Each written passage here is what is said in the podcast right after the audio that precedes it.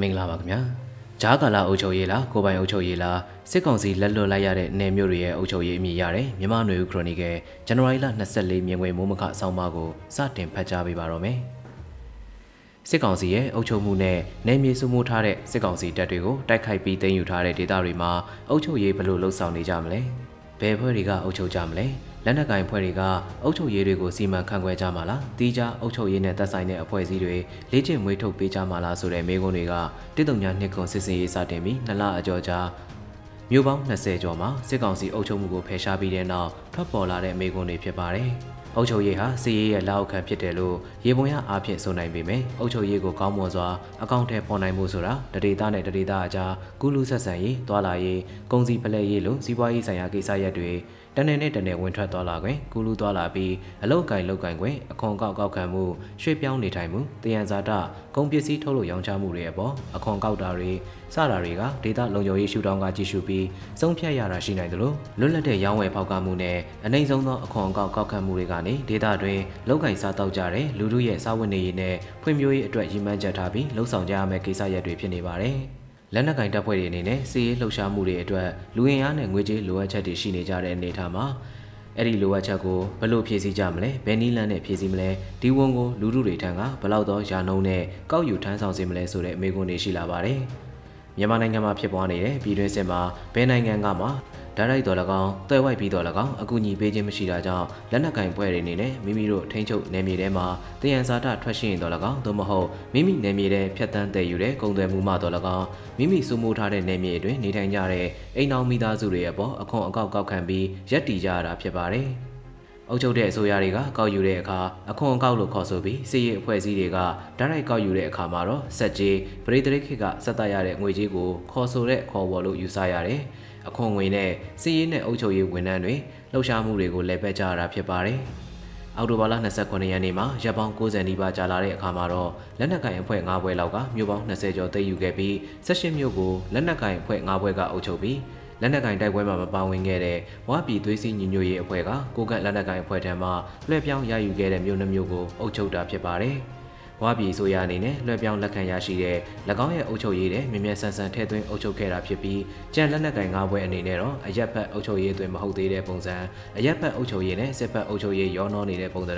စစ်ဖက်အုပ်ချုပ်ရေးတသက်စသဖြင့်အုပ်ချုပ်နေကြတာဖြစ်ပါတယ်။အချို့သောတင်ယူရရှိတဲ့နယ်မြေတွေကငကိုတွေကလက်နက်ကင်ဖွဲ့တွေရဲ့အရေးလွှမ်းမိုးခဲ့ပြီးစစ်ကောင်စီအုပ်ချုပ်ရေးနောက်ွယ်မှာတိုင်းရင်းသားလက်နက်ကင်အဖွဲ့အတိအမှတ်ပြုကြေးရွာသူကြီးတွေရှိနေခဲ့တာဖြစ်ပေမဲ့မြို့တွေမှာတော့အထက်ကပြောခဲ့သလို ရှယ်ရိုအုပ်ချုပ်ရေးကိုယ်စားလှယ်တွေမရှိခဲ့တဲ့သဘောလို့ကောက်ချက်ချရပါတယ်။စစ်ကောင်စီအုပ်ချုပ်ရေးကိုလုံးဝဖျက်ဆီးပြီးဖယ်ရှားလိုက်ချိန်မှာအစားထိုးရမယ့်ကြေးရွာအုပ်ချုပ်ရေးမြို့အုပ်ချုပ်ရေးတွေအလျင်အမြန်လိုအပ်နေတာပဲဖြစ်ပါတယ်။ဒေသလုံခြုံရေးနဲ့အခွန်ကောက်ရရှိရေးကဦးစားပေးအရေးကြီးသလိုတည်ငြိမ်ရေးအသက်မွေးဝမ်းကြောင်းလုပ်ငန်းတွေပြန်လည်လည်ပတ်နိုင်ရေးဒေသတစ်ခုနဲ့တစ်ခုကုလူဆက်ဆံရေးနဲ့သက်ဆိုင်တဲ့မူဝါဒနဲ့လမ်းညွှန်ချက်တွေရှိကြဖို့လည်းလိုအပ်လာတာဖြစ်ပါတယ်။ အခွန်ကောက်ကောက်ခံရေးမှာဘလို့မူဝါဒနဲ့ကောက်ခံမလဲလက်ရှိကျင့်သုံးနေတဲ့နေအိမ်ပိုင်ဆိုင်မှုစီးပွားရေးလုပ်ငန်းတွေပေါ်မူတည်ပြီးတစ်နှစ်တာအတွက်ပေးရမယ့်အခွန်ပမာဏကိုလက်နက်ကင်ဖွဲ့စည်းကသတ်မှတ်ပြီးပေးဆောင်စေတာမျိုးဆက်လက်ကျင့်သုံးပါလားနှစ်ထပ်အခွန်ကောက်တာမျိုးတွေမဖြစ်စေဖို့မတူညီတဲ့လက်နက်ကိုင်အဖွဲ့တွေအချင်းချင်းကြားလူမျိုးစုမတူတဲ့လက်နက်ကိုင်အဖွဲ့အစည်းတွေရဲ့ကောက်ခံမှုအပေါ်ဒေသတွေရဲ့အမြင်စသဖြင့်ထဲသွင်းစဉ်းစားရမယ့်အချက်လက်တွေဆွေးနွေးညှိနှိုင်းရမယ့်အနေအထားတွေဖြစ်ပေါ်လာနိုင်တဲ့ပေါ်တိုင်းမှုတွေရှိနေတာဖြစ်ပါတယ်။ အခွန်ကောက်ကိစ္စအပြင်ခွန်ကောက်လိုပဲအရေးကြီးတဲ့စစ်သားတဲ့စုဆောင်းရေးကိစ္စကလည်းလူမျိုးစုလက်နက်ကိုင်အဖွဲ့ကအုပ်ချုပ်တဲ့နယ်မြေတွေမှာအရေးကြီးတဲ့အကြောင်းအရာတစ်ရပ်ဖြစ်နေတာအခုလိုမြို့သိမ်းနယ်သိမ်းတဲ့အနေအထားမတိုင်ခင်တည်းကရှင်းနေမိသားပြဿနာတစ်ရပ်ဖြစ်ပါတယ်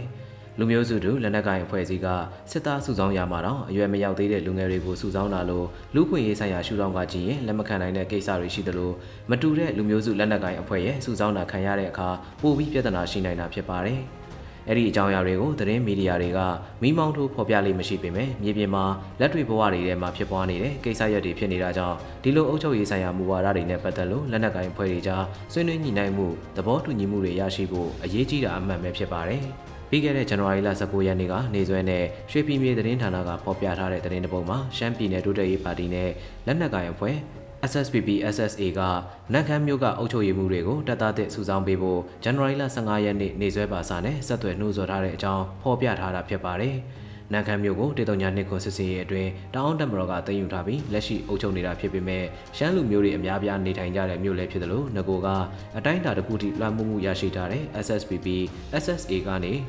လူသစ်စုဆောင်းပေးဖို့အခုလိုလှုံ့ဆော်လာတာဖြစ်ပါတယ် ဒီလိုလှုံ့ဆော်လာတာကိုတအောင်တက်မတော်အဖွဲ့ကဇန်နဝါရီလ22ရက်နေ့နေ့စွဲနဲ့ SSPP SSA အဖွဲ့ထံသို့ပေးပို့တဲ့စာမှာတော့နက်ခမ်းမြို့ထဲမှာလူသစ်စုဆောင်းတာအခွန်ကောက်ကောက်ခံတာမလုပ်ဆောင်ဖို့အတိပေးကြောင်းရေးသားထားတာဖြစ်ပါတယ်။တစ်တုံညာနှစ်ကဒီပို့တိုင်မှုကစစ်စင်ရေးနောက်ပိုင်းဒေါ်လာလက်နက်ကိုင်အဖွဲ့တွေအဖို့ ပထမဦးဆုံးလူသိထင်ရှားပေါ်ထွက်လာတဲ့ဖြစ်ရပ်ဖြစ်ပြီးဒီဖြစ်ရပ်ကနေနောက်ထပ်အလားတူအဖြစ်အပျက်မျိုးတွေပေါ်ထွက်မလာအောင်ဒေါ်လာလက်နက်ကိုင်အဖွဲ့တွေအနေနဲ့နီးလန်းရှာကြဖို့စစ်ရေးလက်ဦးမှုစစ်ရေးအရာအင်အားကြီးနိုင်ငံတွေအပြင်နိုင်ငံရေးအရာရည်မှန်းချက်တူညီမှုရက်ရွာလူထုအကျိုးစီးပွားကိုပထမဦးစားပေးစဉ်းစားမှုတွေနဲ့လက်နက်ကိုင်အဖွဲ့အချင်းချင်းကြားပြည်လည်မှုထပ်ပို့ပြီးလူထုအကျိုးကိုရှေ့ရှုတဲ့အုပ်ချုပ်ရေးစနစ်မျိုးကျင့်သုံးမှုမျိုးကိုဥတီဖို့လိုအပ်နေတာအမှန်ပဲဖြစ်ပါတယ်ခင်ဗျာ။